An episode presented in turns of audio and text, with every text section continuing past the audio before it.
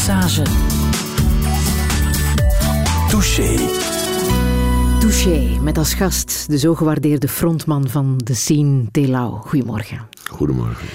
We gaan er een korte maar heel mooie tijd van maken. Dat stond te lezen een paar weken geleden op Twitter.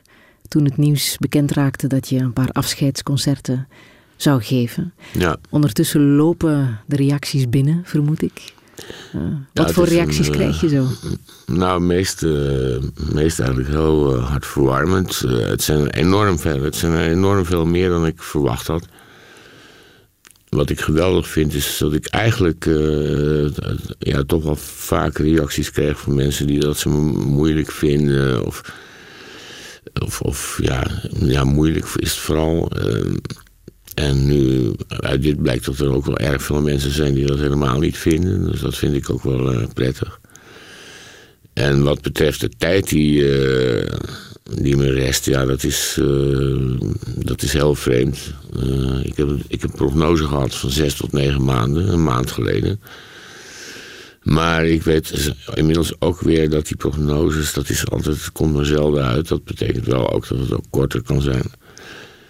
En eh, ik belandde natuurlijk zoals iedereen in die eh, situatie in wat is nou eigenlijk belangrijk. Eh, hoe lang je nog hebt of hoe je omgaat met de tijd die je nog hebt. En het lijkt me een duidelijke keuze dat dat tweede eigenlijk het beste is. Ja. En ik had bijvoorbeeld ook nog een. Ik denk dat het een soort experiment was. Een soort chemokeur die dan eh, van die arts zei dat ik daar 2,5 maand mee zou winnen. Maar dan moest ik wel zes weken in het ziekenhuis liggen. Ja, ja. Wil je dat dan? Nou, nee, niet echt. Ja. Telau, welkom in Touché. Ik vind het leuk hier te zijn.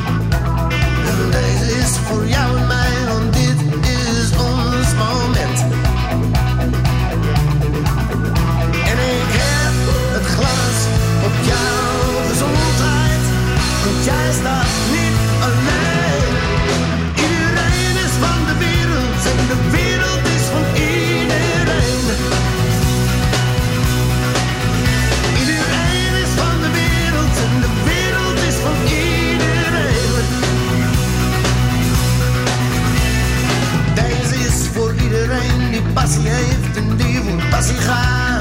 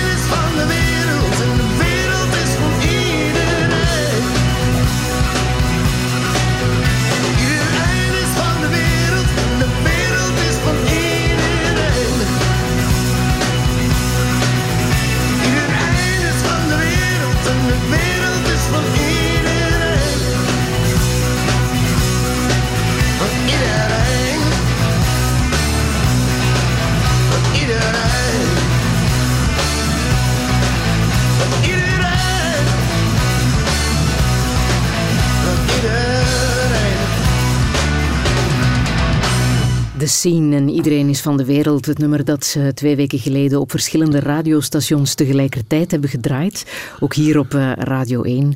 Ik hef het glas op jouw gezondheid, want jij staat niet alleen. Ja, je luistert ineens wel helemaal anders naar die tekst van jou. Ja, en dat geldt voor nog een heleboel. Uh, het zijn meestal enkele zinnen hoor. Het was, ja, het was heftig hè, om ineens te horen dat die concerten werden aangekondigd. Drie afscheidsconcerten aanvankelijk op Pinkpop en uh, Paradiso Amsterdam en de AB in Brussel. Maar die concerten waren zo snel uitverkocht dat je hier in Amsterdam al bent uitgeweken naar een uh, grotere locatie. En dat er een concert bij komt in de Lotto Arena in, in Antwerpen. Ja, het is, het is hallucinant eigenlijk. De, de, ik geloof dat de website van de HB een hele dag plat gelegen heeft. Door jou? Ja, het is niet te geloven. Vreemd genoeg ook dat je nooit eerder op Pinkpop had gestaan. Ja, ik, en, uh, nog vreemder dat ik nooit heb geweten waarom. Omdat er tot twee keer toe een, uh, wat Amerikanen geloof ik, een napkin deal uh, noemen gesloten is. backstage bij Werchter trouwens. En iemand heeft, heeft die toch verscheurd. En ik heb het vermoeden dat dat uh, iemand van de programmatie is geweest die simpelweg een hekel had aan Nederlandstalige muziek. Die mensen bestaan, hè? Maar een werkelijke reden is er nooit gegeven. Maar nu ga je er wel spelen? Ja. Op de dag dat ook de Rolling Stones daar zullen staan? Ja, dat, vind, dat, dat is wel. Uh... Hoop je op, je op een gesprekje met uh, de heren? Nou, dat, ik, ik, heb lang genoeg in deze wereld rondgelopen om te weten dat dat volstrekt onrealistisch is. Keith Richard misschien. Uh, ja, die het liefst? Ja, maar ik zou dan bijvoorbeeld... Uh, als het niet de Stones waren geweest, maar de Who... dan had ik vurig gehoopt op een gesprekje met Pete Townsend. Uh, Wat zou je dan zeggen? Dan zou ik tegen hem zeggen... dat ik zijn autobio aan het, aan het lezen ben... en dat ik... versteld zou van, van de parallellen in, in, in de zin van gemeenschappelijke ambities. Ja allebei bijvoorbeeld uh, de ambitie om iets groters te maken dan een popsong. En uh, hij heeft dat met Tommy gedaan. Ik heb dat nu met, uh, met wat nog uitkomt binnenkort, de Platina Blues gedaan. Maar nog meer denk ik het voortdurende levenslange geworstel. ook ook zo'n onvrede. Ze waren al vrij snel een band met, met een paar hits op hun naam, eigenlijk net zoals de Scene. En dan niet tevreden zijn daarmee. Want er moet, er moet meer uitgehaald worden, maar dan artistiek. En, uh, en dat is hem uh, aardig gelukt, vind ik. Ik vind dat het mij overigens ook uh, aardig gelukt is. En ik heb natuurlijk... in dat geval zou ik ook denk ik wel een ingang hebben. Want ik heb natuurlijk als mystery guest meegedaan met de proms een paar jaar geleden. En daar was dus, dus, een van de twee sterren was Roger Dolphy. Die eigenlijk na afloop van zijn optreden altijd... Ik had de kleedkamer dicht bij het podium in, in, eh, in het Sportpaleis. En hij kwam altijd bij mij eh, een beetje klagen over... Eh, vooral over het gebrek aan volume van, van het orkest. Maar zo voel je het aan dat je geworsteld hebt in je muzikale carrière? Een van de dingen met die concerten die, die best lastig zijn... is dat ik uh, ik krijg dat bericht en dat is, ja, dat is echt vergelijkbaar, denk ik, met uh, wilde verdachten gaan staan. En is de jury tot een oordeel gekomen. Nou. Maar en, en, ik, heb, ik heb meteen aan mijn zoon een sigaret gevraagd. Ik moet dus voor die concerten nu ook weer stoppen met roken. Dat is echt heel vervelend. maar dat ga ik absoluut doen overigens. Maar maar aan de andere kant relaxte ik voorkomen. Van nou, oké, dit is wat het is. Uh, en, en het hele verhaal wat ik heb meegemaakt met die ziekte... is dat ik eigenlijk een soort boeddhistische inslag bij mezelf ontdekte... waar ik nooit enig vermoeden van had gehad. Uh, gewoon het aanvaarden van, nou ja, goed, dit, dit, is mijn lot. Anderen worden 80, sommigen worden 100. Uh, nou ja, ik word wat is, 62 en misschien klopt de prognose niet, dan word ik 63. Of zelfs 65. Maar goed, dat, dit, dit is het gewoon. Uh, alleen toen kwamen die concerten door en dat was meteen uh, het einde van mijn relaxtijd. Dus. Mm, maar iedereen vraagt zich wel af waar je de moed vandaan haalt om dit te doen, om op een podium te gaan staan. En... Ja, als ik ertoe in staat ben, dan. Uh, het, het, is onder andere mijn werk, al mm. vrij lang. Mm -hmm. Vind je het net ook goed dat je dit kan doen? Dat je op een podium kan gaan staan en afstand ja? Ja, voor de, voor, voor Pinkpop, daar speel ik een uur. En eh, daar zullen misschien één of twee gastoptredens uh, ook in zijn. En die, die uh, zaaloptredens, die, daar zullen we veel, veel langer spelen. Die zullen we gewoon, ik kijk dan gewoon hoe ik ervoor sta. En ik heb in principe een waslijst met vrijwilligers die zou willen komen zingen. Mm. Met als ontroerend hoogtepunt eigenlijk de zanger van Bluff. Ja, die is in België zijn ze niet zo bekend, maar in Nederland des te meer. Die uh, heeft aangeboden om uit de spotlight als ghost singer achter me te gaan staan voor als ik het moeilijk zou krijgen. maar vooralsnog zie ik niet, eigenlijk niet, niet echt in uh, waarom ik het echt moeilijk zou krijgen, moet je zeggen. Misschien wel qua uh, fysiek, maar qua uh, wat betreft het zingen zie ik het probleem voorlopig nog niet zo. Want dat gaat, dat gaat best goed. Ik moet dat wel weer die training op gang gaan brengen. Ja, je bent terug gaan tennissen. Dat ben ik ook gaan doen. En ik zit twee keer per week zit ik in de sportschool van het, van het ziekenhuis.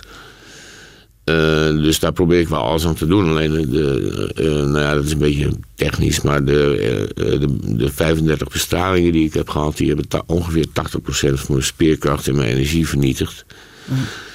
Mm. maar daar, ik zit nu terug op, als, die, als ik die metingen mag geloven, nogmaals met, met kanker is het allemaal niets is 100%, maar dan zou ik nu ongeveer op 65% van mijn uh, oude potentieel zitten. Waarbij ik dan voor de luisteraars ook nog kan zeggen dat ik, uh, nadat ik was gestopt met roken, 13 kilo was aangekomen. Nou, de ziekte heeft er ook voor gezorgd dat ik die alle 13 kwijt ben. Uh, dat helpt ook. Mm. gaat het lukken om terug te stoppen met roken? Ja, ja, ja dat moet ik doen. Ja. Oh. ja, het is gewoon dom geweest om dat weer te doen. Maar het was aan de andere kant ja, zo'n situatie. Dat je denkt van ja, wat maakt het allemaal nog uit? En ik heb het nooit leuk gevonden om gestopt te zijn. Over dat tennissen heb je mij ooit gezegd: het helpt om tegen mijn verlies te kunnen. Ja, uh, uh, ik was echt een heel vervelend uh, mannetje toen ik, eh, als, als, toen ik een jonge tennisser was. Echt zo'n racket smijten en altijd schelden. En, en ik heb mezelf toen gedwongen om daarmee op te houden. dat resulteerde wel in het feit dat ik op het eerstvolgende toernooi in de eerste ronde met 6-0 6-1 verloor. Maar de winst was dat ik niet meer uh, de baan afliep en allemaal boze blikken voelde van mensen over mijn wangedrag. En uh, dan komt dan ook het moment dat je gaat winnen. Nou, sport is natuurlijk heel leerzaam uh, wat dat betreft. Het is eigenlijk, eigenlijk met, met tennis, met die één op één sporten bijvoorbeeld, is het zo dat je eigenlijk de baan moet opletten met het idee van hij is waarschijnlijk banger voor mij dan ik voor hem ben. Ah. En dan heb je al een paar games binnen, psychologisch. Ah. Maar helpt dat nu ook? Om tegen je verlies te kunnen? Dat, dat nee, dat maakt. Ik, ik speel niet eens meer partijen hoor. Het is echt alleen maar voor de, voor de conditie. Ik heb laatst geprobeerd een partijtje te spelen, maar dat kost uh, veel moeite. Je gaat concerten spelen in Nederland, maar dus ook bij ons in Vlaanderen. Hoe, ja. uh, hoe anders verwacht je dat dat zal zijn? Want je hebt een andere band met Vlaanderen dan je altijd hebt gehad met Nederland. Hè? Ik heb een. Ja, Vlaanderen is. Uh, vanuit Vlaanderen komt wel eens de reacties dat ik als een soort zoon omarmd ben. Maar voor mij is het inderdaad een tweede vaderland. En er zijn uh, heel veel momenten geweest de afgelopen jaren. En met name de laatste, het laatste decennium. Uh, met uh, de maatschappelijke ontwikkelingen die er in Nederland zijn. Dat ik het echt toch wel heel vaak overwogen heb om naar bijvoorbeeld Antwerpen te verhuizen. En toch niet gedaan? Nee, en dat, dat komt omdat, uh, dat heeft twee redenen eigenlijk. Een van de dingen die ik zo leuk vind aan spelen in België, is dat het voor mij altijd buitenland blijft. Dus voor mij is de enige manier om in het buitenland te spelen, dat is om in Vlaanderen te spelen. Ja, ja. Want verder in mijn hele loopbaan, het is twee keer Duitsland, één keer Zwitserland en uh, één keer Parijs. En een halve keer New York. En een halve keer New York, inderdaad. Heel goed, ja. ja. Dus dat... Uh, had je dat gewild, een, een grote internationale carrière? Wat ik nog wel hoop, ik heb een goede vertaling van Iedereen is van de wereld, eindelijk in het Engels. En ik heb inmiddels een, eh, een, een vriend. Want een van de dingen van het verhaal is ook dat ik op, opeens echt. Dit, dit verhaal is ongelooflijk. Dat is een uh, Nederlandse producer van Surinaamse afkomst. Hij heet Giorgio Tuinfort. Uh, hij is 31 jaar oud. Uh, en op zijn cv staan de namen Michael Jackson, Britney Spears, Gwen Stefani. En nu ook Telau. Maar ik sta inderdaad ook op zijn cv, dat klopt. Hij meldde zich, uh, zei ik wil iets voor je doen, want ik vond het toen geweldig om met je te werken. En ik wil je een reis aanbieden. Noem je bestemming. De Malediven, de Zuidpool, India, Afrika, zeg het maar. En ik zorg ervoor dat je op reis kan. Toen was het voor mijn. ja, ik zei: er is maar één ding voor mij van belang. en dat is, die, dat is mijn muziekproject en mijn, en mijn boek. Ah, zei hij, van, voor het muziekproject. Wat, wat heb je nodig? Heb je een grote strijkersgroep nodig? Ik huur zo vier dagen de Wisseloord. Dat is de, de meest prestigieuze studio in Nederland voor je af. En ga maar zitten met die mensen. Ik pak de rekening. Hij kent dus het soort mensen waarvan ik dan hoop dat ze iedereen is van de wereld in het Engels zouden gaan zingen. Dat hoef ik zelf helemaal niet te doen. Dus uh, daar heb ik al eens een balletje over opgegooid. En dat zal ik nog wel eens een paar keer doen. Dus die internationale carrière komt er misschien toch nog? Ja, voilà. ja. Touché. Friedel Lesage.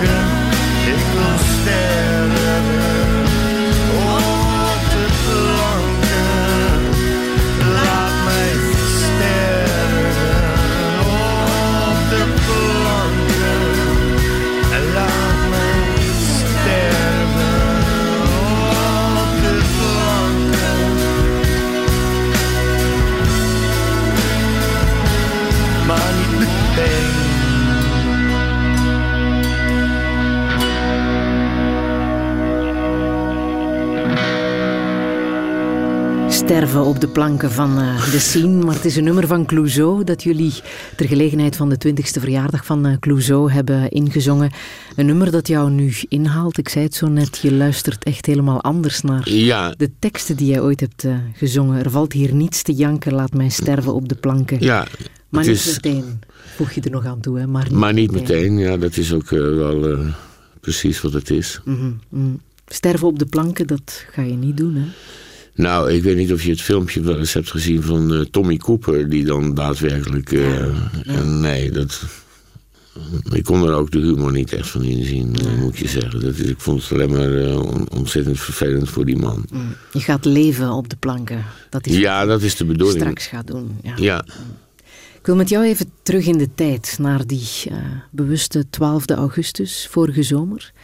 Ehm, toen je de diagnose kreeg dat je Ja. keelkanker had. Wat weet jij nog van die dag? nou, ik weet nog dat ik eh, ehm, eigenlijk wel zoiets had verwacht. eh, in de medische aanloop.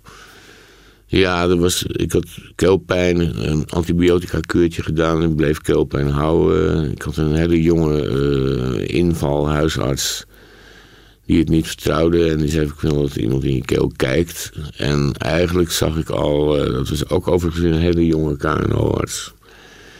En ik zag al dat hij iets had gezien. En toen belandde ik dus in het kankerziekenhuis van Amsterdam, het Antonie van Leeuwenhoek. Ja, ik had me wel, wel een beetje eh, op voorbereid. Maar ik weet nog wel dat ik naar de auto liep. eh, en terwijl ik de portier opendeed tegen mijn vrouw zei van ja... Je weet eigenlijk dat ik al drie jaar zit te wachten op dat er echt, echt iets gebeurt. En ik zei van ja, dit is wat laatste wat we willen dat er gebeurt. Maar ja, er gebeurt wel iets. En eh, die instelling heb ik eigenlijk ook door de hele behandeling vastgehouden. Want wat was jouw eerste reactie dan, toen het jou echt letterlijk zwart op wit werd eh, bevestigd? Nou, nee, dus niet noodzakelijk een negatieve reactie. Mhm. En ik wist wel dat, ik een, eh, dat het een... eh, ja, je gaat wel een tunnel in. Het is wel een, een battle die je moet voeren. Maar ik zag er van meet af aan eigenlijk ook wel iets, iets als een uitdaging in. Van, ik moet dat kunnen. Ja? Ja, Toen je aan die chemobehandeling moest beginnen. ja. En ik heb, eh nou de chemo, ik heb chemo's gehad en bestralingen. De chemo's heb ik eigenlijk, eh, eh, behalve de eerste, toen kreeg ik een middel wat uh, mijn nieren bijna heeft eh, vernietigd. Maar daarna ben ik behandeld met chemo's waar ik eigenlijk amper last van had hoor. Dus wat dat betreft heb ik best geluk gehad. En de bestralingen, dat was, dat was erger. Omdat er dus in het keelgebied worden er allemaal dingen verbrand eigenlijk die je wel nodig hebt. Je proeft niks meer. Je kan op een gegeven moment bijna niet meer slikken. Ik heb instinctief gevoeld dat, het allemaal, dat heel veel eh, draait om met, met wat voor instelling. eh. En dat als je de kop laat hangen, dat het eh, niet goed is. Dat het ook allemaal zwaarder wordt dan meteen. Dus ik heb het ook een beetje gezien als een battle. Ik heb het later wel eens in een. ik heb een soort dagboekje bijgehouden dat ik het vergeleek met die. nou ja, laten we zeggen, die soldaten die in niemands land ingestuurd worden. Ah. Het komt twee kanten uit. En wat heeft jou dan eh, geholpen om, het, eh, om die battle aan te gaan? Om Positief is, Ja. positief blijven. Po- en, eh, en er ook vanuit gaan dat, het, dat je geneest. En medisch is het zo, ik ben ook genezen. Alleen er is een, een klein duiveltje ontsnapt. Ergens, al waarschijnlijk al in het begin. En dat gaat me de das om doen. Ja. Maar de keelkanker is weg. Hoe was het om dat dan te horen en te weten, ik ben genezen verklaard en dan Dat was, blijkt er toch een uitzaaiing te zijn? Ja, dat is een doodvonnis. Dat is echt als iemand in de rechtszaal eh, die te horen krijgt dat hij eh, verhangen gaat worden. Eh, ehm, psychologisch is het heel merkwaardig. Mijn reactie, maar die, eh, ik heb geleerd in, in het ziekenhuis dat die eh, psychologische reacties eh, heel vaak overeenkomen. En eerste week werd ik heel veel, eh, de nachten waren erg. En s'nachts word je dan wakker en dan eh, ziet alles er inktzwart uit. En dan ging ik ook echt gewoon naar bo- naar boven. En eh, daar dronk ik twee, drie, soms vijf glazen wijn om weer te kunnen slapen. En dan was ik echt opgelucht als het weer ochtend was. Omdat zoiets er in daglicht dan toch veel vriendelijker uitziet. Maar gek genoeg, na eh één, anderhalve week verdween dat opeens. Dus ook, ik werd ook niet zo vaak meer wakker s'nachts. eh en als ik wakker werd, dan was het niet eh, met meteen een soort instant nachtmerrie eh, die op me afkwam. En toen belandde ik zelfs in een, eh, in een soort vaarwater waarbij ik af en toe even in mijn wang moest knijpen van jongen, je moet wel even je realiseren dat, dat er wel even serieus iets aan, aan, de hand, aan de hand is. Maar af en toe vergat ik het ook gewoon. Ja, vreemd hè? Ja, heel wonderlijk. Ja, ja. Had je ook iets aan, aan andere kankerpatiënten die je dan zag in het ziekenhuis of tijdens de behandeling? Nou, ik moet je eh, zeggen dat ze heel veel, heel wat aan mij hebben gehad. Ja? Ja, ook door die instelling. Ik zat een keer eh, in de visio naast iemand op de fiets die eh, ja, een soort buddy is geworden. En die, die heeft immens veel geluk gehad. Want die, had, die was in een ander ziekenhuis behandeld. En die had eigenlijk zoveel kanker dat hij normaal gesproken uitbehandeld verklaard zou worden. Maar door een administratieve fout eh, kwam hij dus in het antinie van Leeuwenhoek. En stond er een van zijn kankers gewoon niet op. En eh, ze zijn hem toen toch gaan opereren. En die eh, overleeft dat waarschijnlijk. Maar die zat een keer naast me op de fiets. Eh, dat is een muziekliefhebber, dus dat is dan altijd wel gezellig. Ik haat dat gefiets in zo'n visio. ik vind het vreselijk, maar goed. En hij zei, eh, ja, ik voel me elke keer als ik hier binnenloop toch wel een, eh, toch wel een patiënt. En toen zei ik van, nou, dat heb ik nou helemaal niet. Ik zie dat echt heel anders. Nou, hoe zie jij dat dan? Nou, ik zeg, ik voel me elke keer als ik hier binnenkom, voel ik me lid van een elite. En dat is, wij zijn hier gewoon de elite van de kankerveteranen. Of het nou overleven of niet. En ik heb juist, als ik eh, dan een keer met de tram naar huis ga en in die tram zit, dan kijk ik om me heen en dan zit ik van ja, al die mensen die kennen dat helemaal niet, maar ik wel. Eh, hij moest toen wel vreselijk lachen, maar hij is toch wel erover gaan nadenken. Van, een keer erop zei hij van ja, eigenlijk als je het op die manier bekijkt. En dan is het ook aangenamer. En, eh, en daar, de- ja, hoe raar het ook is, daar put ik dan ook wel een soort kick uit, moet je zeggen. Je werkt ook efficiënter. Je hebt in één ruk die Platina Blues eh, op papier gekregen. Ik ben een paar keer wakker geworden met echt vijf complete tekst in mijn hoofd. Dat heb ik nog nooit eerder meegemaakt. En eh, dus ook eh, naar boven, rustig koffie zetten, het ding uittypen. Want het bleef ook in mijn hoofd zitten. Want vaak vroeger vergat ik ze. En eh, gewoon met het papier in de hand eh, meteen eh, beneden inzingen. En die Platina Blues, dat was eigenlijk eh, bedoeld voor de, voor de Vlaamse Theatertour 2015. Eh, maar die is dus gecanceld. Eh, en ik wilde een keer niet met, met twee nieuwe liedjes aankomen en dan weer al die. Dus wat ik voor ogen had was een eh, vrij zwaar ding. Is het wel volgens sommigen, hoewel ik vind dat er ook wel veel licht in zit. Het klinkt fantastisch. Ja. Ja, en het wordt, het wordt, nog, eh, nog, het wordt nu afgewerkt. Eh, maar dat, dat was het dus. Een, eh, veer- een stuk van 40 minuten had ik mezelf opgelegd. En dan pauze. En na de, na de pauze van, nou, roept u maar. eh, Dan krijgt, u, krijgt u wat u wilt.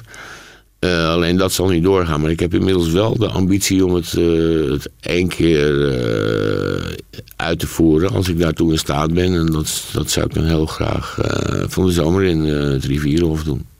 Het zou fantastisch zijn. Ja, dat zou echt, dat zou echt Ja. magisch, eh, magisch zijn. We luisteren nu al naar een Ja. fragment daaruit. De doodmaat jacht op mij. De doodmaat jacht op mij. De dood.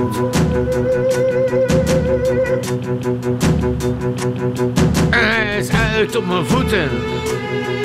Maar mijn voeten trappen hem weg. En ik loop.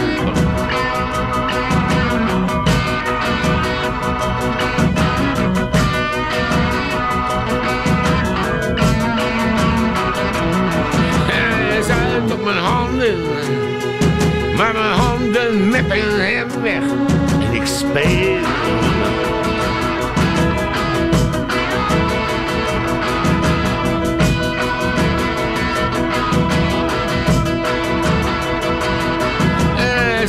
mijn woorden, maar mijn woorden horen hem niet.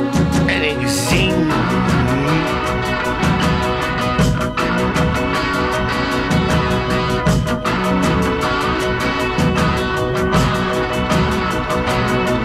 En de dood is op jachter mij, de kale havenloze dood. De dood is op jachter mij, de vuile dood jacht. Ik zwerf in mijn dromen.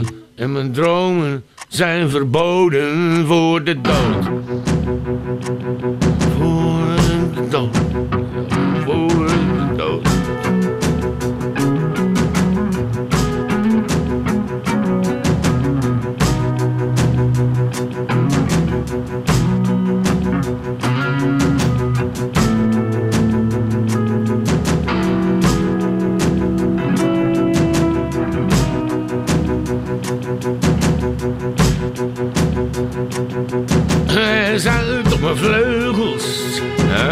Mijn vleugels klappen hem weg en ik vlieg.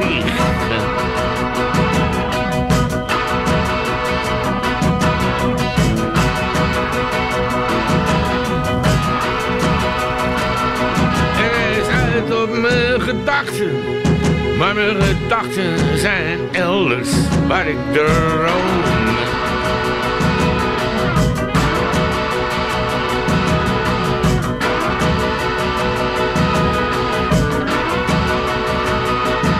De dood is op jacht naar mij.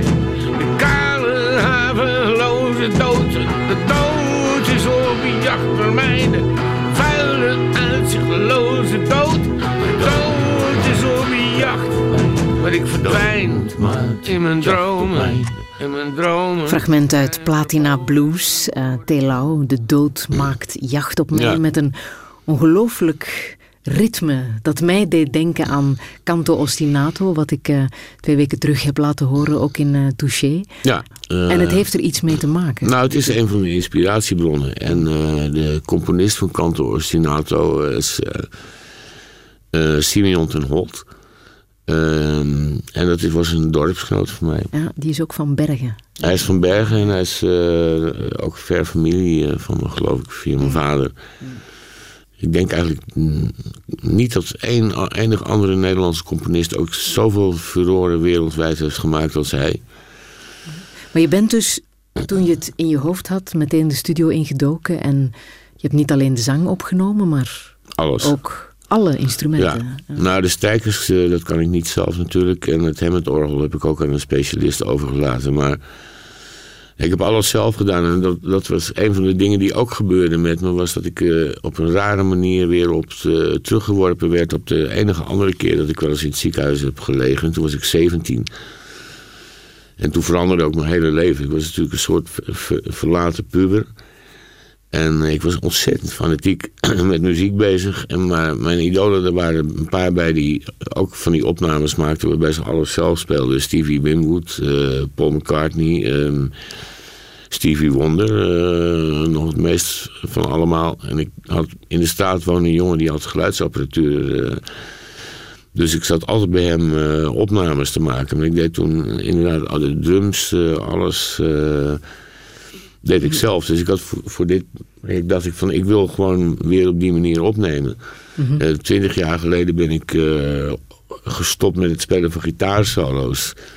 Ik dacht van nee, ik ga gewoon weer, eh, ik ga weer oefenen en ik ga gewoon weer gitaarsolo's eh, spelen. En dat was, dat was eh, de kick daarvan was eigenlijk dat gaande het proces. En in het begin kon ik er niet langer dan een uur of anderhalf uur per dag aan werken vanwege mijn fysieke toestand.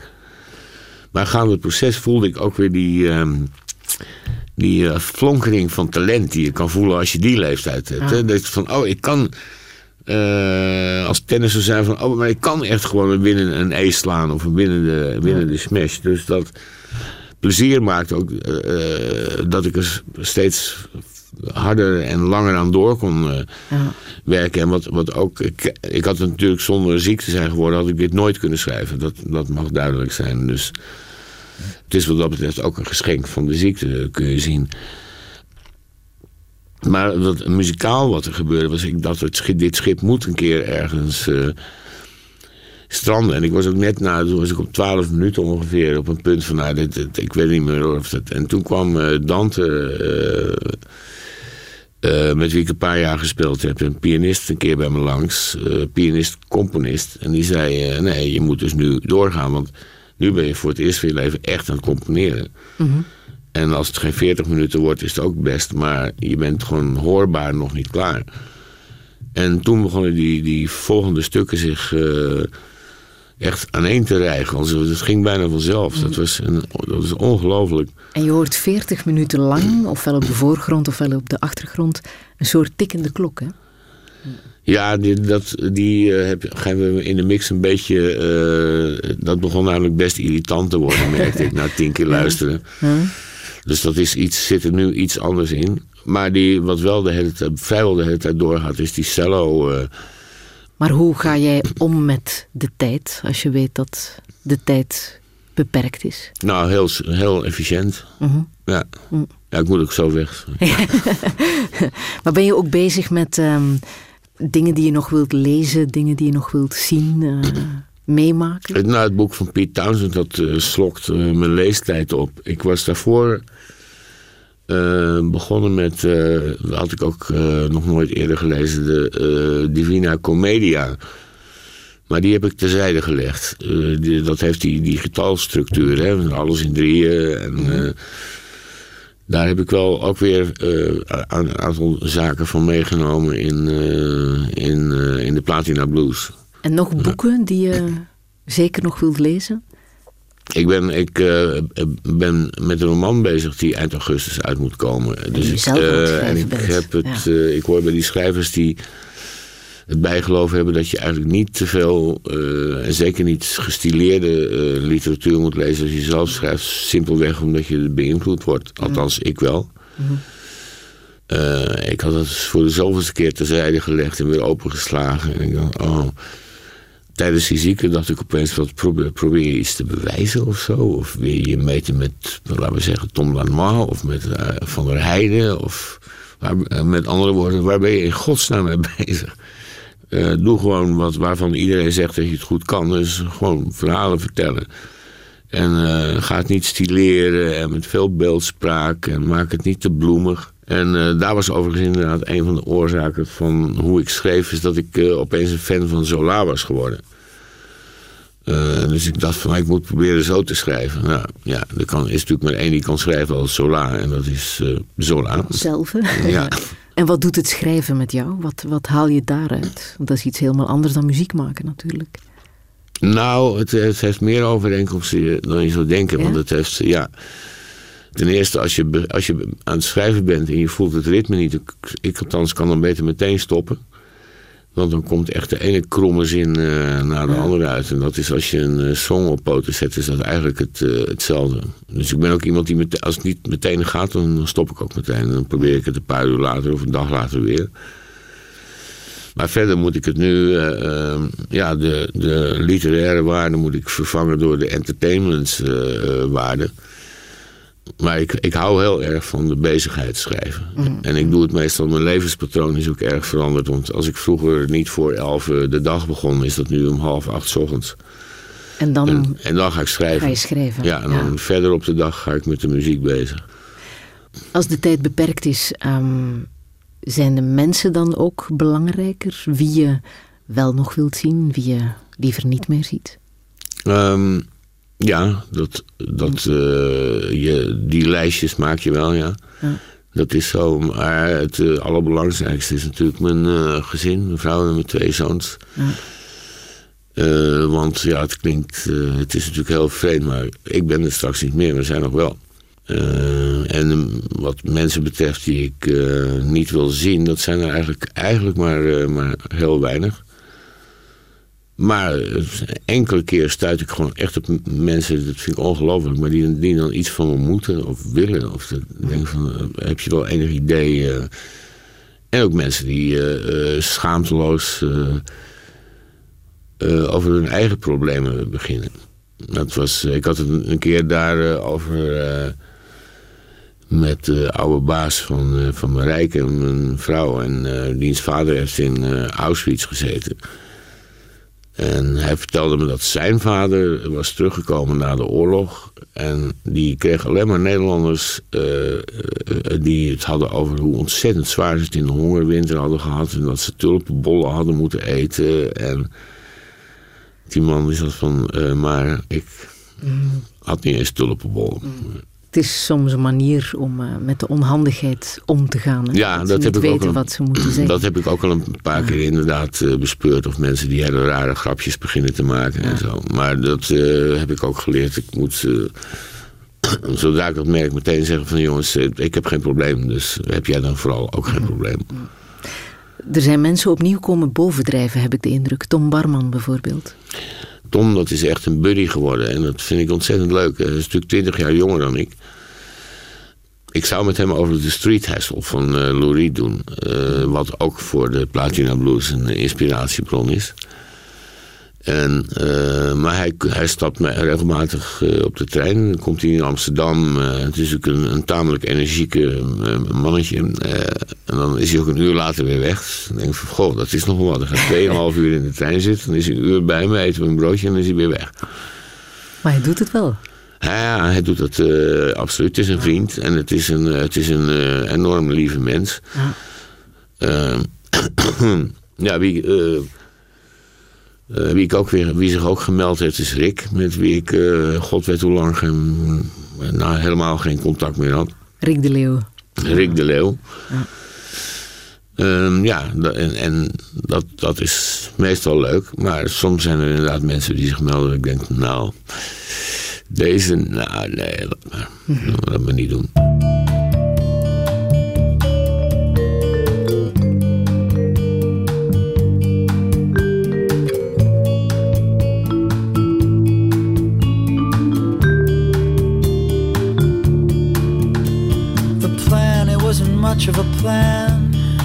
I just started walking.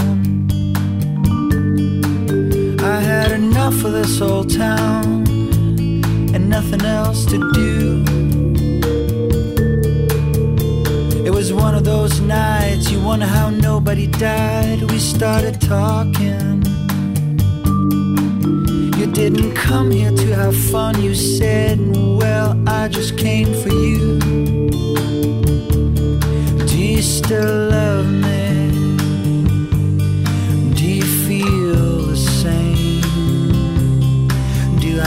Chance of doing that old dance with someone I've been pushing away? And touch, we touch the soul, the very soul, the soul of what we were then. With the old schemes of shattered dreams lying on the floor. You looked at me, no more than sympathy. My lies, you have heard you have laughed with, my clothes you have torn.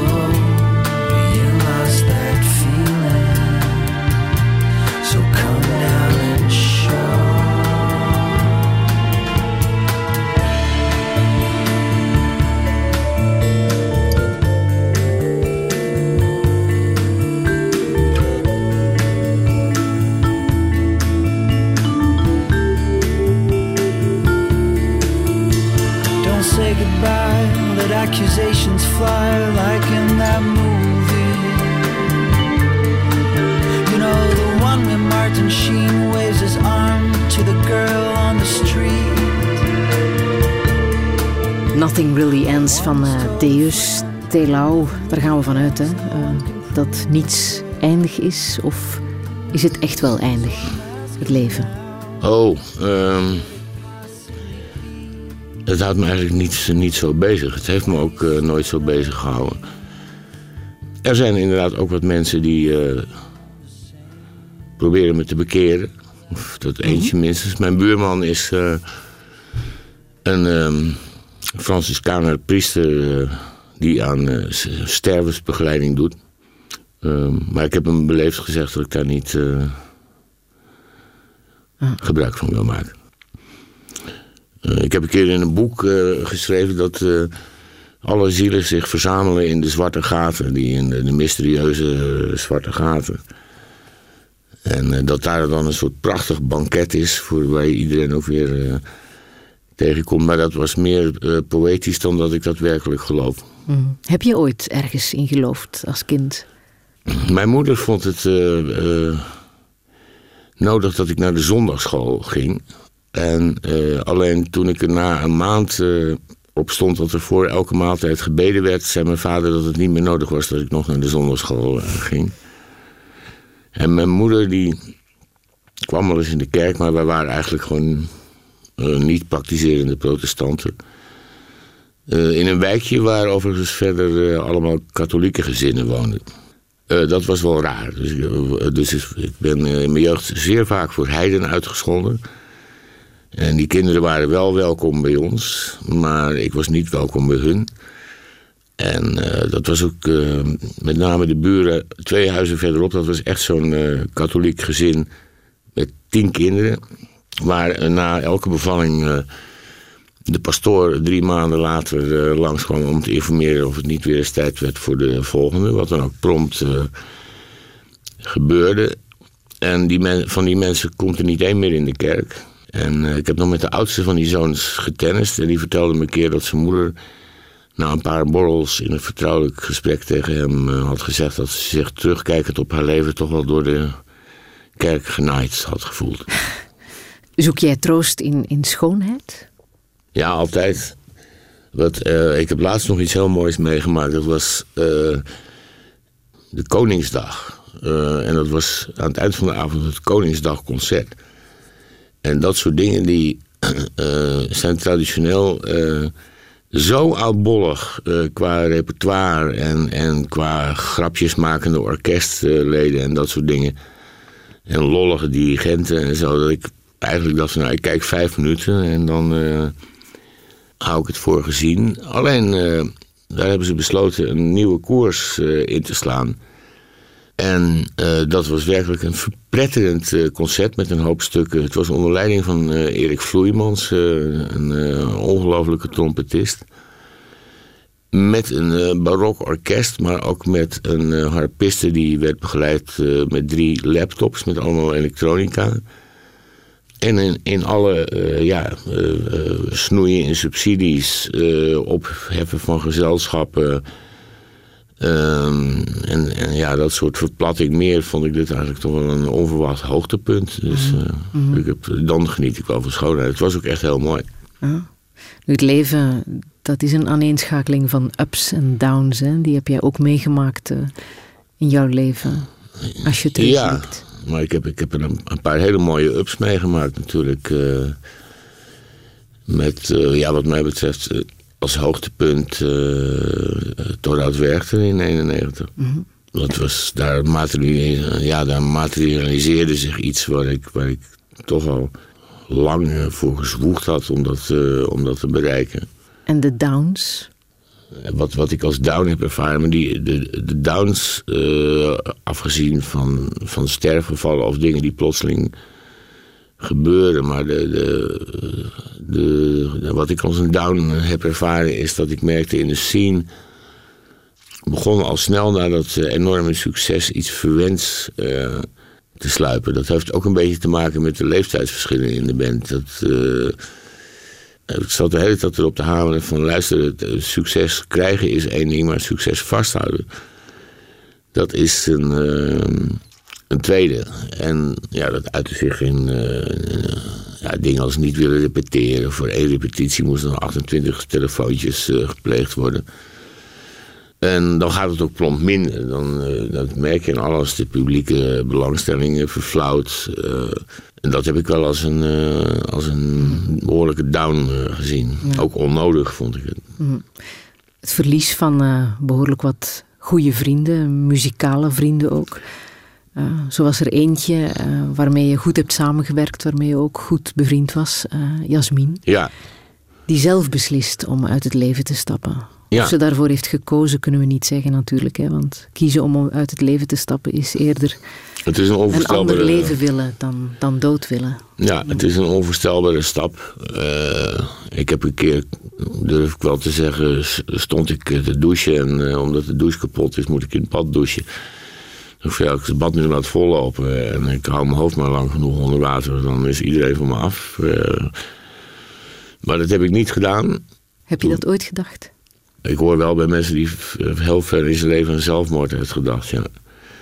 Maar tussen het doen of, en, en eraan denken, dat is natuurlijk wel een immense stap.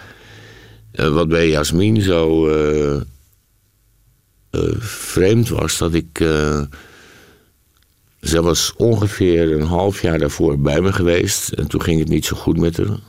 En toen heeft ze op, me- op mijn schouder zitten uithuilen. En nou, we hebben een pep talk gegeven, kom op. En het, gewoon, het moet goed. En toen ging ze ook vol eh, goede moed weer terug. En eh belde ik er later nog een keer. Nee, het ging allemaal goed. Maar niemand heeft me ooit verteld eh, dat het mis met haar aan het gaan was. Ik sprak er nooit meer en ik dacht van, nou ja, geen goed. Geen, Geen nieuws, goed goed nieuws. nieuws, ja. ja. En toen kreeg ik dat idiote telefoontje. ik was ook in de studio bezig. En van, van iemand van de VRT. Ja, wilt u reageren? Ik zei, "Oh, reageren, waarop? En ja, de, Jasmin is dood. Ik dacht in eerste instantie eh, eh, eigenlijk aan een auto-ongeluk. Omdat ze eh, graag hard reed, maar niet echt heel goed, vond ik. En toen van nee, ze heeft, ze heeft zelfmoord gepleegd. Dat heb ik, ja, ik van nou, bel over een uur maar even terug, want dit is, dit is voor mij echt een donderslag bij een heldere hemel. Zoveel verschillende manieren waarop de dood zich aandient. Hè? Ja. Ja. Maar dit was natuurlijk een eh, hele wrange. En ik heb natuurlijk ook zitten denken van... Goh, als ik het had geweten, was ik, had ik in de auto kunnen springen... en dan had ik eh, misschien eh, iets aan kunnen doen. Maar dan komt er toch een moment als je op die trein van gedachten zit... en denkt, nee, ik had er niks aan kunnen doen. Als iemand dat wil, nog, dan doet hij het.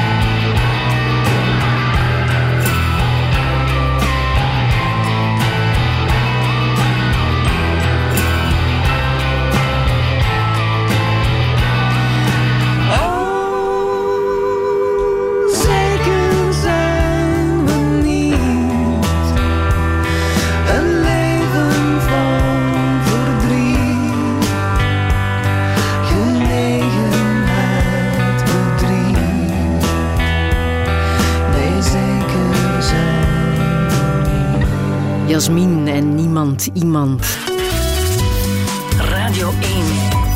Friedel Lesage. Touché.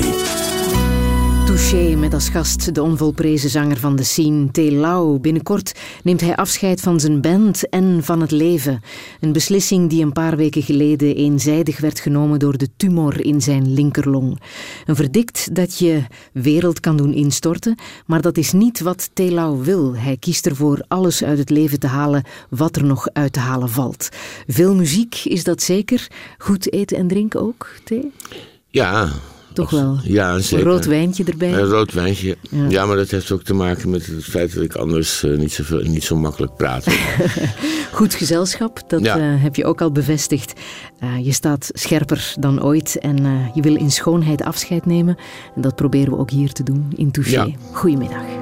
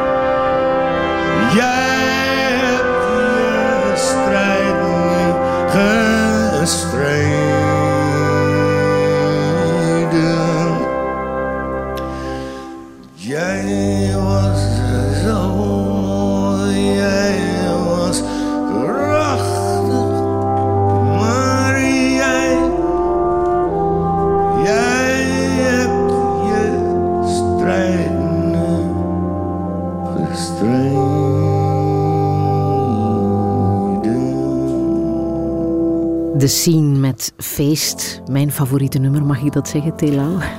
Ja, het is ook een van mijn favorieten altijd. Ja? Ja. Voor wie heb je het geschreven? De moeder van mijn, van mijn vrouw, eh, die leek niet lang meer eh, te zullen leven, maar die heeft uiteindelijk toch nog wel eh, een fix aantal jaren ook eh, volgehouden. De Friesin, heel, heel taai volk is dat. Ik wil even terug naar eh, het begin van jouw leven, 17 juli 1952. Eh, wat weet je over je eigen geboorte? Weet je daar iets over? Nou, ik heb een, een foto van de vroedvrouw met mij in haar armen. Of Ja? nee, mijn moeder heeft me, heeft me in haar armen en de vroedvrouw staat erbij. eh, met de tevreden eh, glimlach van iemand die wiens job gelukt is.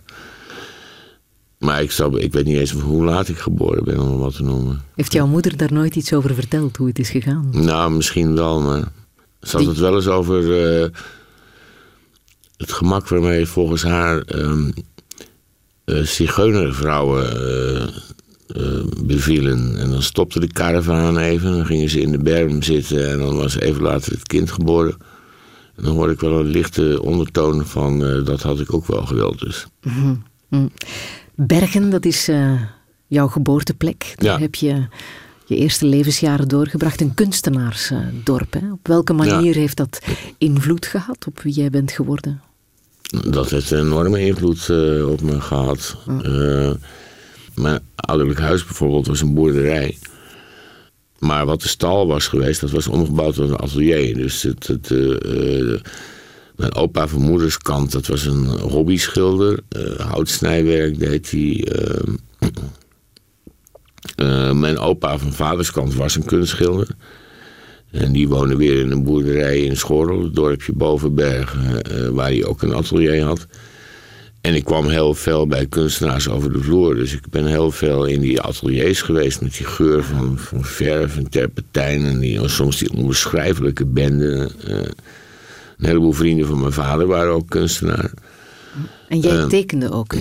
Ja, ik tekenen. Ja, dat gaat, daar gaat mijn boek voor een deel over. Dat speelt zich af in Bergen en de hoofdpersoon is inderdaad een tekenaar. En die ligt ook best veel in de clinch met die kunstenaars die allemaal eh, in die tijd enorm neerkeken op, op dat tekenen. Ik heb daarvoor een researchgesprek eh, gehad met Peter van Straten. En die, die beaamde dat ook. Die zat op een opleiding in Arnhem. En wat hij deed, dat werd echt, daar werd echt verschrikkelijk op neergekeken. Eh, dus eh, ik heb een soort spel wat dat betreft met die jonge hoofdpersoon... die gewoon illustrator wil worden en van al het geschilder helemaal niks moet hebben. Eh, zijn vader is, was wel een schilder, maar die, die had hem dat ook afgeraden... want er viel geen droogbrood in te verdienen en het was allemaal moeilijk... En hij wordt dan ook een eh, super succesvolle illustrator. Ehm, eh, en die, die frictie, dat blijft een beetje. Dus altijd als hij in, in Bergen en dan met name het café waar al die kunstenaars samenkomen terugkomt, dan is er, zijn er altijd weer sneren. En dan eh, heeft hij natuurlijk als eh, grote wapen het succes wat hij heeft en het geld wat hij daarmee verdient. En ik heb dat met, met veel plezier opgeschreven. Een ander bepalend ding overigens was dat in die tijd de seksuele revolutie losbarstte in Bergen.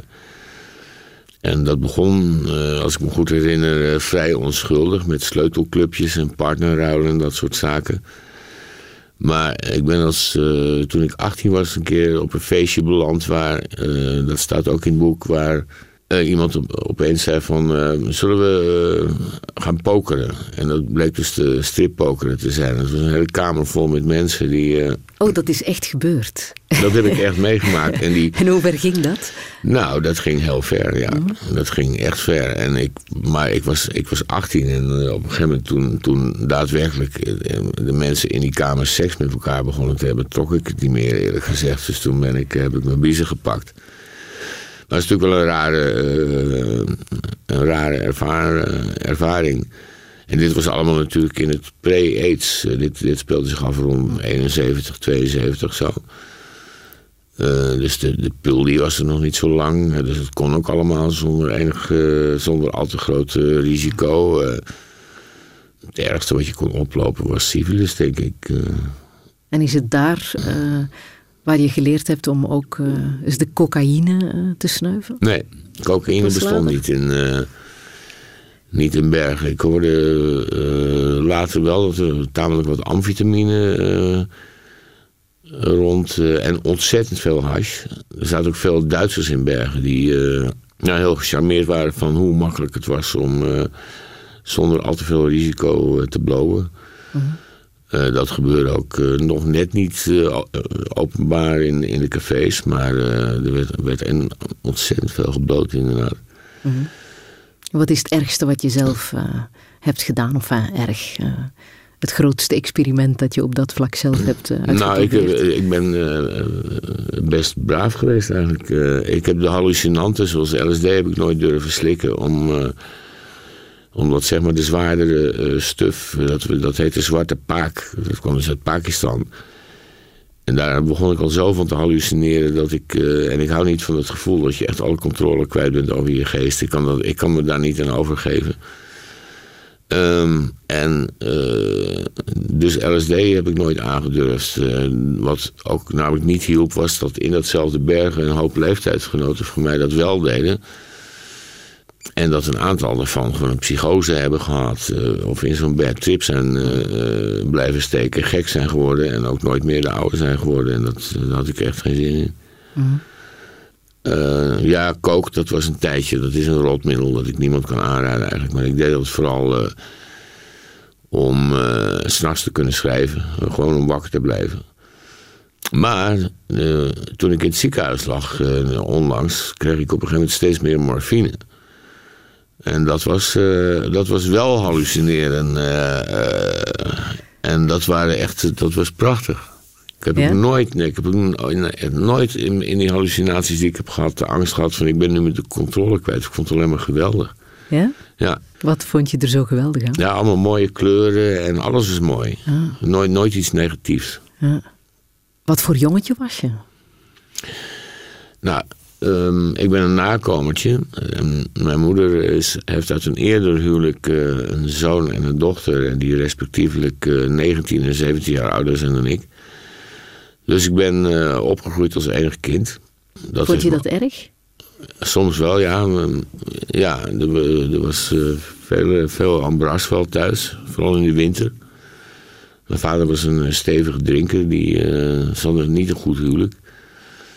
Dus als uh, ja, die ruzies uh, losbraken, dan had ik, zat ik wel eens uh, van waarom heb ik niet nu een broertje of een zusje met wie mm. wat, wat vind jij hier nou van? Het heeft ook gemaakt dat ik niet een, een gemakkelijke, natuurlijke teamspeler ben. daarom eigenlijk is spelen in een band voor mij een, moeilijk. Mm. Ik, vind het echt, ik heb het altijd moeilijk gevonden. Maar daarom denk ik ook dat ik tennissen bijvoorbeeld leuker vind dan voetballen of, of andere, andere teamsporten. Ik was dik. Tot, uh, tot mijn 17 was ik altijd dik. Dat heeft me ook wel mede gevormd. Uh, bij de meisjes stond ik uh, altijd achteraan in de rij. dat heeft overigens ongeveer tot mijn dertigste geduurd. Daarna werd dat beter. Maar het is wel zo dat als je in je puberteit uh, niet hoort bij de meest aantrekkelijke jongens, dan blijf je de rest van je leven lang verbaasd als vrouwen je wel aantrekkelijk vinden. Dat, dat wil je in eerste instantie niet geloven dan. Nou. Nou, nu geloof ik dat dan wel, maar het heeft een hele tijd geduurd. En wat, uh, wat enorm uh, belangrijk voor mij is geweest, de enorme stimulans die uh, mijn moeder gaf op creatief gebied. Mijn opa was kunstschilder. Uh, als gezegd, die uh, uh, is niet heel bekend geworden, maar het was een fantastische schilder. Alleen hij schilderde figuratief en eigenlijk een beetje in de stijl van de oude meesters. Hij is medeoprichter van de kunstacademie, de Jan van Eyck Academie in Maastricht. En daar heeft hij ook, ik heb hem vrijwel nooit ontmoet, want daar heeft hij de hele rest van zijn leven gewoond. En mijn vader en mijn opa konden niet overweg. En de familie van mijn moeders kant, dat waren uh, handwerksmensen. Uh, dus uh, haar vader was die amateurschilder. Deed veel houtsnijwerk, maar die liefhebber als architect... die heeft in het terrein rondom ons huis, het gebied rondom ons huis... drie huizen gebouwd. Een neef van hem was eh, glas in lood. Maakte die, die, heeft, en die heeft een fabriek eh, in Haarlem die nog steeds bestaat. En bijna al het eh, glas in lood in, in kerken en scholen in eh, Noord-Holland. Dat komt allemaal uit die fabriek. Ja. Nog een neef van mijn moeder, dat was Laurens Bochtman. En dat was in de jaren 40, 50 een wereldberoemde zanger. De toetsenist van Sien Otto's moeder, die eh, is ook zangeres geweest. En die heeft hem nog horen optreden en die heeft hem ook wel gekend. En die heeft me allerlei eh, dingen over die man verteld. En een van de dingen was dat hij bij de Matthäus-persoon de eerste ter wereld was om de Jezusrol integraal te zingen. En eh, er zijn heel weinig opnames van hem. Ik kreeg een keer een, van een familielid een cd'tje met eh, oom Laurens die de Winterreizen eh, uitvoerde. En die Winterreizen is eigenlijk ook wel een inspiratiebron voor mijn project eh, Ja. geweest. Als een verhalend, een verhalend muziekstuk. Maar die zong echt van Melbourne tot aan Helsinki. en hij was al- dus altijd op reis. Meestal per boot, heb ik begrepen. En dan op die boot maakte hij weer ontwerpen voor dat glas in lood. En voor batik. eh batikwerk deden ze ook. En voor mij is het eigenlijk zo dat ik uiteindelijk tot de conclusie kwam, kwam dat er meer van de handwerksmannen in mij zit dan van de, van de flamboyante kunstenaar. Ja, toch wel? Ja, vind Ja. ik wel. Ja. Ja.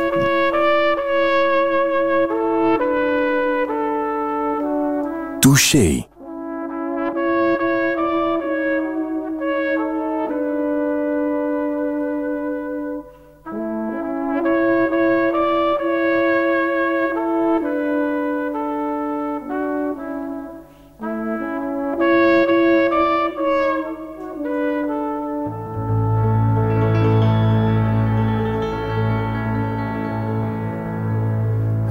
Een steen verlegd in een rivier op aarde. Het water gaat er anders dan voorheen. De stroom van een rivier hou je niet tegen. Het water vindt altijd een weg omheen. Misschien eens gevuld door sneeuw en regen. Neemt de rivier mijn kiezel met zich mee. Om hem dan glad en rond gesleten te laten rusten in de luwte van de zee. Ik heb een steen in een rivier op aarde. Nu weet ik dat ik nooit zal zijn vergeten. Ik lever de bewijs van mijn bestaan. Omdat door het verleggen van die ene steen de stroom nooit meer dezelfde weg kan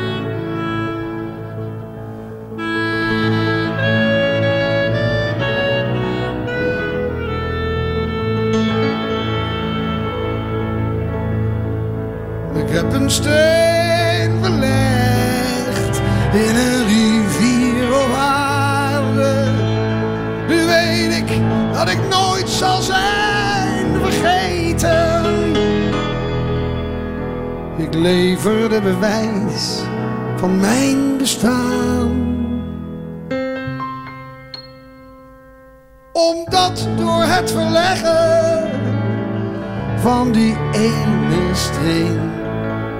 Het water nooit dezelfde weg kan gaan.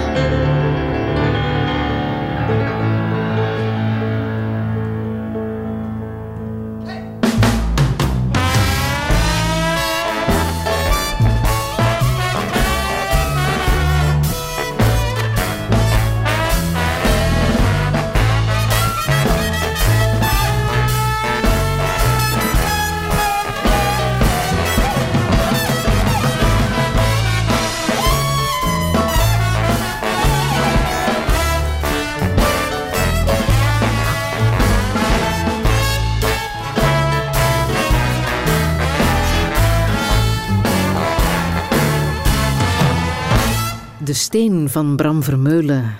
De man die mee aan het begin van jouw muzikale carrière stond, hè, ondertussen. Ja, hij heeft, eh, hij heeft me 40 jaar aangenomen. geleden, 1974, Ja. toen jij eh, mee ging spelen bij Nederlands Hoop. Ja. Jij als eh, Het was een andere gitarist uit Bergen die ze hadden gevraagd. Die, eh, die was veel bekender, ook wat ouder. Ehm, maar die heeft eh, om een of andere reden het niet willen doen en mijn naam genoemd. En Bram die is, die is naar mijn jongenskamertje ge- gekomen. Van nou, speel maar, eh, kun je wat laten horen. Dus ik begon te spelen. En eh, er was op dat moment WK voetbal. eh, en ik zag hem de hele tijd op de klok kijken. En, ik- en de televisie stond ook bij mij in de kamer. Dus zei, oké, nu begint de wedstrijd tegen Bulgarije. Dus ik, ik weet genoeg. Toen was ik aangenomen. Ja. En ja, dat heeft enorm veel voor mij betekend. Hij ook. Het- ik, ik was dol op mijn verhouding met hem. We hadden bijna elke dag ruzie, maar het was bijna elke dag ook na vijf of tien minuten was dat weer over. Ja.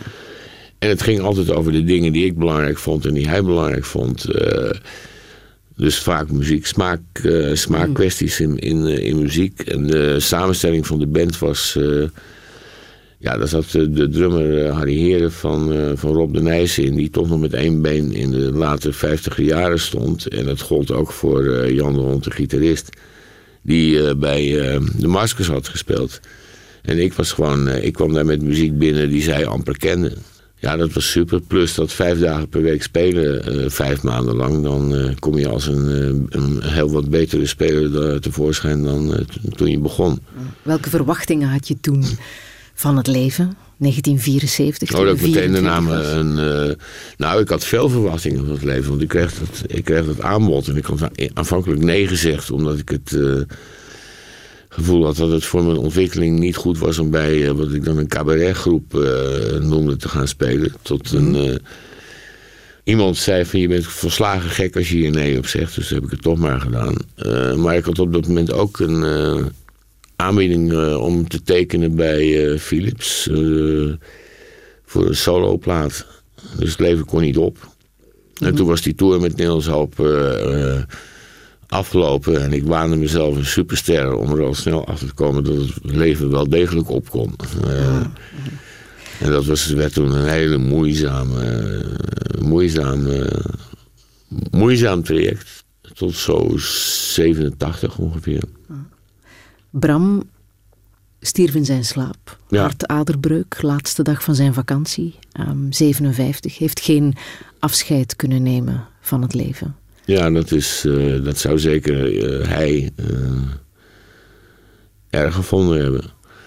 Het verbaasde hem niet dat hem, dat hem zoiets overkwam. Want ik heb nog nooit iemand zo met energie zien smijten. Nou, misschien op de tennisbaan eh, Nadal of zo. Maar het is daarmee eh, vergelijkbaar. Eh, hij, was in, hij was inderdaad in, bij jullie geliefd. In Nederland kwam er op het laatst bijna niemand meer kijken tot zijn begrafenis. En daar had ik hele gemengde gevoelens over. Ik was bij zijn begrafenis, ik denk dat het tegen duizend mensen waren. Ik dacht van, nou ja, als jullie dat nou over, die tickets over elkaar hadden verdeeld... had hij, had hij nog een hoop plezier voor jullie kunnen beleven in de zalen. Jij praat wel makkelijk over de dood, hè? Ja, vind Moeten je dat we- vreemd? Ik denk dat nog altijd heel veel mensen dat vreemd vinden. Moeten we de dood wat meer omarmen? Ehm, Zoals we dat doen dat- bij, eh, bij geboortes. Dan zijn we allemaal heel blij en eh, sturen we kaartjes en moet iedereen het weten. En drinken we champagne. Ja, eh nou ja, omarmen. Weet ik niet, maar het, het, ja, het hoort bij het leven. Eh, en en eh, overigens, een van de dingen waar ik veel aan gehad heb. Dat was allemaal nog voordat dit gebeurde. heb ik een ehm, eh, Living in the Material World, een documentaire van Martin Scorsese over George Harrison gekeken. Die eh, eigenlijk eh, aan hetzelfde is overleden als waaraan ik eh, zal overlijden zei dat hij dan ook nog dat incident heeft gehad met die inbreker die hem acht keer met een mes gestoken heeft. En dat hij 58 is geworden, net, net als Bram. Maar die, dat vond ik enorm leerzaam en inspirerend eh, over hoe hij eh, daar eh, mee omging. En hij heeft dat zelf niet verteld in die interviews, maar zijn weduwe wel, zijn vrouw. En hij had van, de, ja, van al die meesters, leraren en, geleerd dat het, het hele leven eigenlijk een één oefening is voor de dood. En dat je moest leren dat te aanvaarden. En dat is voor mij, een, eh, ik heb er gisteravond nog eh, naar zitten kijken, want toen werd ik vanochtend niet zo lekker wakker opeens. Moet ik eerlijk bekennen, maar het is voor mij wel een enorme inspiratiebron. Want het is een hele goede manier om ermee om te gaan. Het is niet zo erg. Het gaat veel te veel over de, over de kwantiteit en veel te weinig over de kwaliteit. En inderdaad, die mensen die dan zo'n eh, het etiket terminaal opgeplakt krijgen, de meeste daarvan die lijken alleen maar bezig te zijn met hoe lang heb ik nog. En niet eh, eh, hoe goed zal ik nog in staat zijn om om te gaan met de tijd die ik heb. Mhm. Waar het eigenlijk om draait. Wat ik heb, krijgen veel mannen van mijn leeftijd. Meestal zijn ze iets ouder, ja, 64 zo, 65. En eh, die, die zijn, ik was toen ik in die ziekte inging, ook zwaar overwicht had ik. Ehm, dat hielp mee. Ze zijn meteen, dat is goed. Eh, want meestal zijn die mannen vrij eh, tanig. En die krijgen het dan echt lood en loodzwaar door die behandeling. En die hebben vaak dan ook nog eens natuurlijk dat ze of net gepensioneerd zijn... of voortijdig eh, een baan uitgewerkt zijn omdat men een jongere kracht wil. Eh, ik heb dat allemaal niet. Ik heb een platina blues waar ik aan kan werken. Ik heb een boek waar ik aan kan werken. Ik hoef niet de hele dag te zitten duimen draaien... en me te beklagen over mijn lot. Dus Mhm. ja, Jij kan je nog eh, goed bezighouden. ik kan me enorm goed bezighouden. ja, Ja, fijne dingen doen. Ja. Ik zit nu te denken aan het verhaal dat je me ooit deed over ehm, je vader, die aan de dood is ontsnapt. Hè? ja. Eh, hij zat in het verzet, eh, ook in die omgeving, Bergenschorrel. Hij wilde daar nooit zoveel eh, over kwijt. Maar toen ik hem vroeg of ik het verhaal voor mijn eerste bundel mocht gebruiken, heeft hij het me toch verteld. Ja, ze eh, werden opgepakt. Dat kon ook niet uitblijven. eh. en hij heeft eh, vastgeketend aan een enorme sterke boerenzoon. heeft hij een nacht inderdaad op zijn... ze zouden gewoon bij het eerste licht tegen de muur gezet worden. In Alkmaar was dat de hoofdstad van de omgeving. Alleen, eh, ze zijn als in een jongensboek... eh, de, de boerenzoon die vroeg aan de Duitse bewaker een, om een checkje. Nee, een vuurtje. Hij vroeg aan mijn vader een checkje. En mijn vader dacht, hij, kan, hij rookt helemaal niet. Dus wat is dit? En dan begon ik dat heel onhandig te draaien. En toen had hij het checkje eindelijk af. En toen vroeg hij aan de bewaker een vuurtje. En die heeft hij toen met één eh, klap knock-out geslagen. En zo is hij kunnen Zo zijn ze ontsnapt. ontsnappen. Ja, en de, de boerenzoon wilde die Duitser nog doodschieten. Maar mijn vader die, eh, zei dat moeten we niet doen. Want dan wordt- gaat er nog meer jacht gemaakt worden. Maar hij heeft daar wel een eh, zekere vorm van wat nu heet PTSS aan eh, overgehouden. Want als ik s'nachts wel eens thuis kwam, en toen ik nog thuis woonde... en dan iets te veel lawaai maakte, dan werd hij wakker... en dan hoorde ik hem schreeuwen en door het hele huis rennen. De Duitsers, de Duitsers. Was dat de reden dat hij is beginnen drinken, denk je? Het helpt eh, wel mee natuurlijk, zoiets. Maar of hij nou echt daarom is gaan drinken. Sommige mensen zijn gewoon drinkers. Eh, Ja? ja, ik ben ook een drinker. Eh, alleen ik ben niet... ik, ben niet ik heb geen kwaaie dronk. En dat had hij wel. En dan met name tegen mijn moeder. Maar daar moet ik wel bij zeggen dat... ik denk dat hij uit een, eh, van een generatie is die eh, sowieso heel slecht met vrouwen kon omgaan. Ik denk ook dat die mannen vaak een beetje bang waren voor vrouwen. En ik denk dat hun, eh, de bekendste daarvan mensen waren als Hemingway of Steinbeck, maar ook Jacques Brel was ook wat hij allemaal over vrouwen heeft gezegd in interviews. Ian Fleming, de schrijver van James Bond, die kon er ook wat van. En uh, eigenlijk de meeste vrienden, vaders van, van, mijn, van mijn schoolvrienden en zo, die waren toch ook wel zo. Ja. Maar helpt het om je ouders zo goed te kennen, om ook te begrijpen wat ze hebben gedaan en hoe ze in elkaar zaten?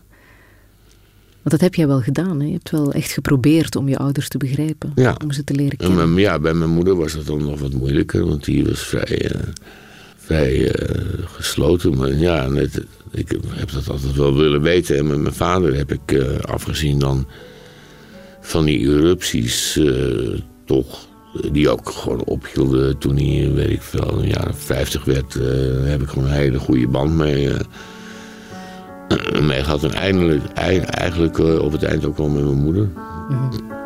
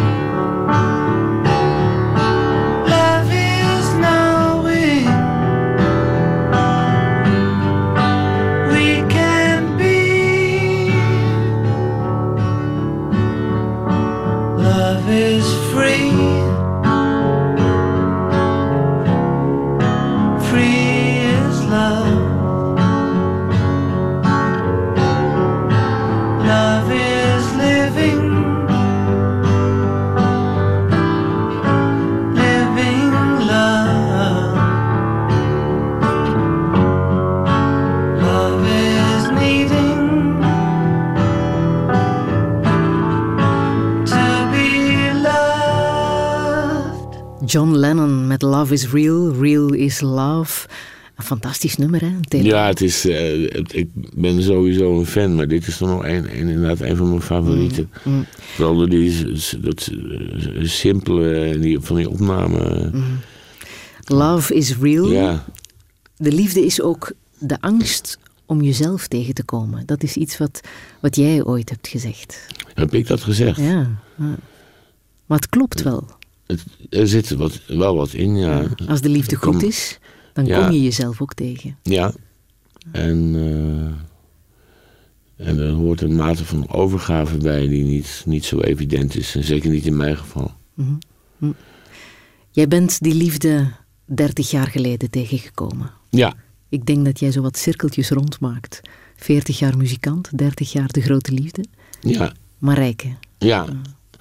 Ja, Marijke is, uh, dat is ook nog uh, iets wat nu, uh, doordat alles geïntensiveerd is, sorry, is die, mijn gevoel, of ons gevoel samen is het inmiddels eigenlijk nog meer geworden, ook nog eens ja, een stuk sterker geworden weer. Mm. Dat is heel goed om te voelen, maar het heeft natuurlijk wel een schaduwkant. Waar heb je het meeste schrik voor?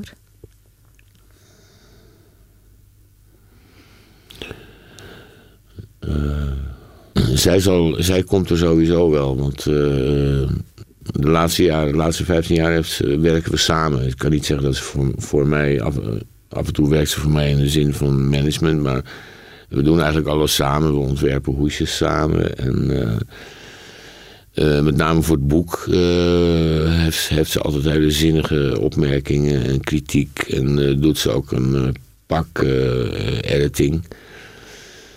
Maar daarvoor heeft ze in de televisie gewerkt. En dat was echt frontsoldatenwerk ook. Dat, met met onmogelijke werktijden. En, en het, is, het is een enorme sterke, sterke vrouw. Mm. Waarom is zij het geworden, denk je? Ik denk omdat zij zo sterk is. Ja? Ja, ik, ik hou van, uh, van sterke vrouwen. Dus, uh, en nu kan ik, kan me niet, ik ben op een punt dat ik me niet eens meer kan voorstellen dat er iemand anders is. Dat is eigenlijk ook altijd wel zo geweest. Want uh, ik doe natuurlijk een soort werk waarbij je een hoop mensen ontmoet. Dus ook een hoop vrouwen ontmoet. En de verleidingen soms heel groot zijn. En enkele keer ook wel eens fout ingaan. Maar dat heeft allemaal nooit zo... Uh, zij is voor mij, voor mij gewoon de vrouw. Mm. Maar dan ook vooral ook in, de, in de zin van een soulmate. Op welke manier probeer jij een goede geliefde te zijn? voor iemand die zo egoïstisch is als ik. Ik zeg dat ik als enig kind ben eh, opgegroeid. Uh, probeer ik nu gewoon een maximale aandacht, uh, aandacht te geven. Dat had ik eigenlijk veel eerder moeten doen. Maar ik had, het heeft een, iets te lang geduurd voordat ik door kreeg dat vrouwen ook wel echt aandacht tamelijk op prijs stellen. Hebben jullie ook afspraken gemaakt over hoe jullie nu jullie dagen doorbrengen? Nou, eh, onze dagen worden voor ons doorgebracht op het moment. Eh, want er is zoveel rond die optredens. Uh, en waar ik nog wel eens uh, even kan rondlummelen of zo, kan zij dat zeker niet. Want de telefoon die gaat er gewoon echt de hele dag door. Mm -hmm. En ja, omdat dat gewoon ook van oudsher haar werk is, is dat voor haar ook goed. En ze is er ook goed in. Uh, dus dat is, dat is een zegen. Maar ja, als die optredens geweest zijn, ik moet misschien toch nog proberen een tour te boeken. Dan, -huh. dan blijft dat zo. En jouw zonen, hoe gaan jouw zonen ermee om? Nou, ik vind het heel goed. Het zijn wel verdrietig natuurlijk, maar. Nee, ik vind dat ze er goed mee omgaan. We praten er ook over hoor. Dus. Volgen ze de sporen van hun vader? Uh, de jongste die, die uh, mag uh, auditeren voor het conservatorium. En hij heeft een een vierde kans om erop te komen. En wat hij wil gaan doen is drummer slash producer. Nou, dat vind ik heel mooi. Ik ben zelf namelijk een gefrustreerde drummer. ik heb gitaar en piano spelen altijd heel leuk gevonden. en zingen een stuk minder leuk overigens. Maar drummen, dat vond ik met, met afstand de, de leukste, leukste bezigheid. En ik denk dat drummen een hele goede basis voor een producer is, omdat de meeste producers wel uh, zich enorm mee willen bemoeien met wat, wat de drummer precies doet of wat de drumpartij is, maar er echt helemaal niets, maar er ook niets van, van weten. Van bijvoorbeeld wat je nog kan spelen en wat niet meer en dat soort dingen. En de andere zoon? De andere zoon die, die is wel enigszins zoekend, maar die werkt nu in een hotel.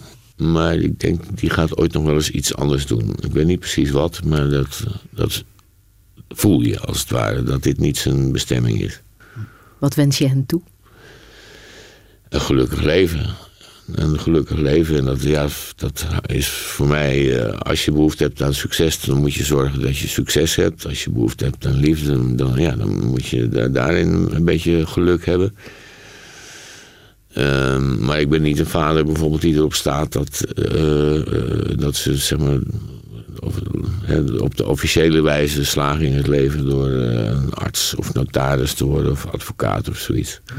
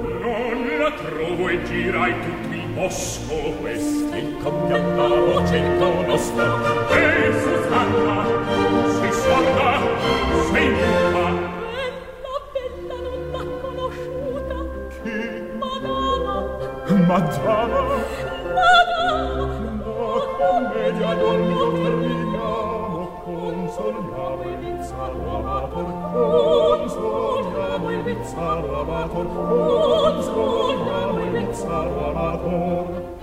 Simon, ama, voi siete del mio, a senz'arme solino, un ristoro al mio cor concedete,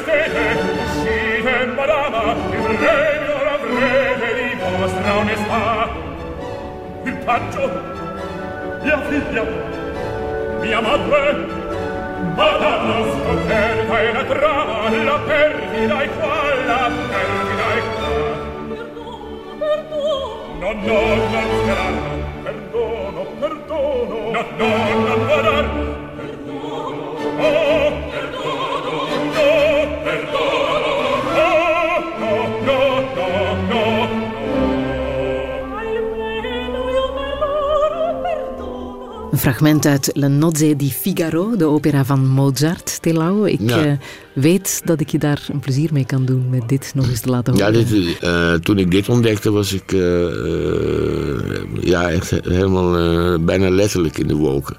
Ja? Ja, omdat ik, ik vond het zo mooi en het is, het is eigenlijk zo simpel, en, maar er zit zoveel licht in. En toen ik een keer probeerde voor mezelf te formuleren wat dit nou is, dacht ik, eh, ja, dit is gewoon, eh, als er een directe lijn naar God bestaat, dan, is, eh, dan zit hij in deze muziek. Wat is jouw levensmotto? Ik heb niet echt een levensmotto. Nee, nee op dit moment carpe diem, kan ik je verzekeren. Ja. En waar Of, geniet je het meest van? Van de creatie. Ja. Dus op het moment dat je iets op begint te spelen en het lukt, dan dat is voor mij eigenlijk de ho- hoogste vorm van geluk. Het is het verleden dat dood is, niet dat wat nog moet komen. Ben je het daarmee eens? Ik vind het verleden niet dood. En sterker nog, het eh, leeft voor mij eh, meer dan ooit. Stel dat eh, de kanker jou fysiek doet lijden. Ja, Wat doe je dan? dan, dan zal ik euthanasie eh, plegen. Ik begrijp dat inmiddels in, eh, in eh, Vlaanderen ook, eh, of in België dan ongetwijfeld ook mag. Ehm, ik heb nog wel wat gevallen om me heen gezien van mensen in landen waar het niet mag. En dat, eh, dat is echt niet, niet leuk. En met mensen die dan ehm, zoiets oproepen van ja, maar het is de wil van God of het is de natuurlijke weg of zo. Daar heb ik niet erg veel geduld mee, eerlijk gezegd. Want waarom zou je, waarom zou je creperen als het niet nodig is? Maar je weet echt niet wanneer het gaat komen. Die prognose is, eh, Nee, geen. is heel wisselend.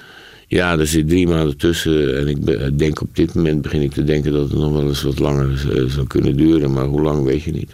Voel jij iets? Voel jij pijn Nee. op dit moment? Niks. Nee. Je voelt je goed. Ik voel me prima. Ik voel me beter dan drie jaar geleden. Je hebt ooit de vraag gekregen: hoe ziet jouw paradijs eruit? Weet jij nog wat je toen hebt geantwoord? nee, Het waait er. het waait. Ja. Oh. ja. Heb je iets met de wind? Eh, ik, hou wel, ik hou van wind, ja. Maar dat heeft ook een beetje mee, eh, mee te maken dat mijn, eh, eh, mijn ouders, de broodwinning van mijn ouders, dat was een tennispark van, van drie banen. En eh, gravelbanen waren dat. Dus mijn vader die had echt een afschuwelijke hekel aan de wind. Omdat dan gewoon zijn kostbare gravel, eh, vooral als het droog was dan, en, en warm was geweest... Dan, dan kon hij gewoon weer helemaal die banen opnieuw eh, met gravel eh, bestrooien. Nee, ik ben dol op wind zo in je haren. En, eh, Het strand zul je me ook nooit zien op mooie dagen. En als, als ik al op het strand kom, dan is het altijd als het stormt. Ja, ja. Dan gebeurt er meer, hè? Ja, Als het dan eh, is alles in beweging. Ja. Hoe wil jij herinnerd worden? Ik heb. Nou ja, eh, ik hoop i- iets als iets positiefs. Eh, maar ik, ik weet dus nu door al die reacties die, eh, ja, die er zijn, dat dat ook wel zo zal zijn. Er niet, niet veel mensen eh, negatief over me zullen denken.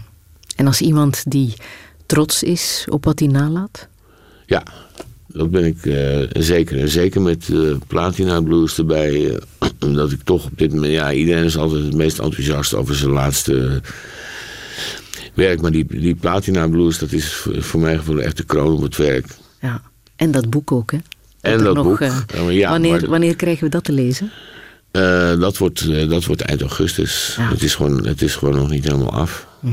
Daar wordt. En dat boek, dat wordt, eh, dat wordt, zeg maar, ja, dat wordt platina, minder serieus dan de Platina Blues. Maar ik, het is, ik hoop dat het een mooi po- poëtisch mu- stuk muziek zal zijn ook. Welke boodschap wil jij ons nog meegeven? Geniet ervan. Zullen we doen.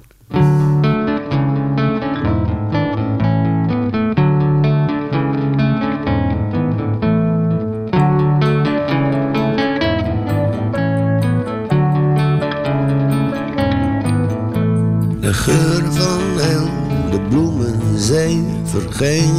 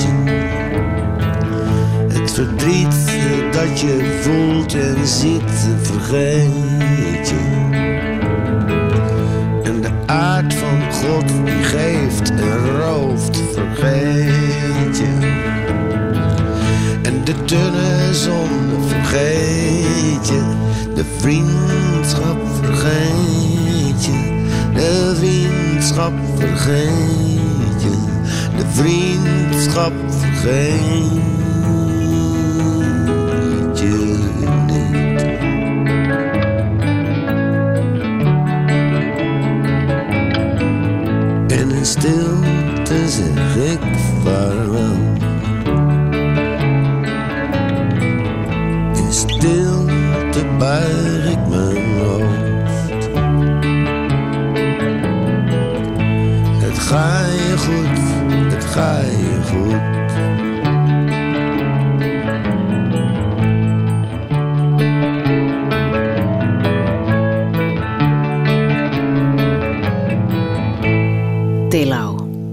deze vriendschap vergeten we niet.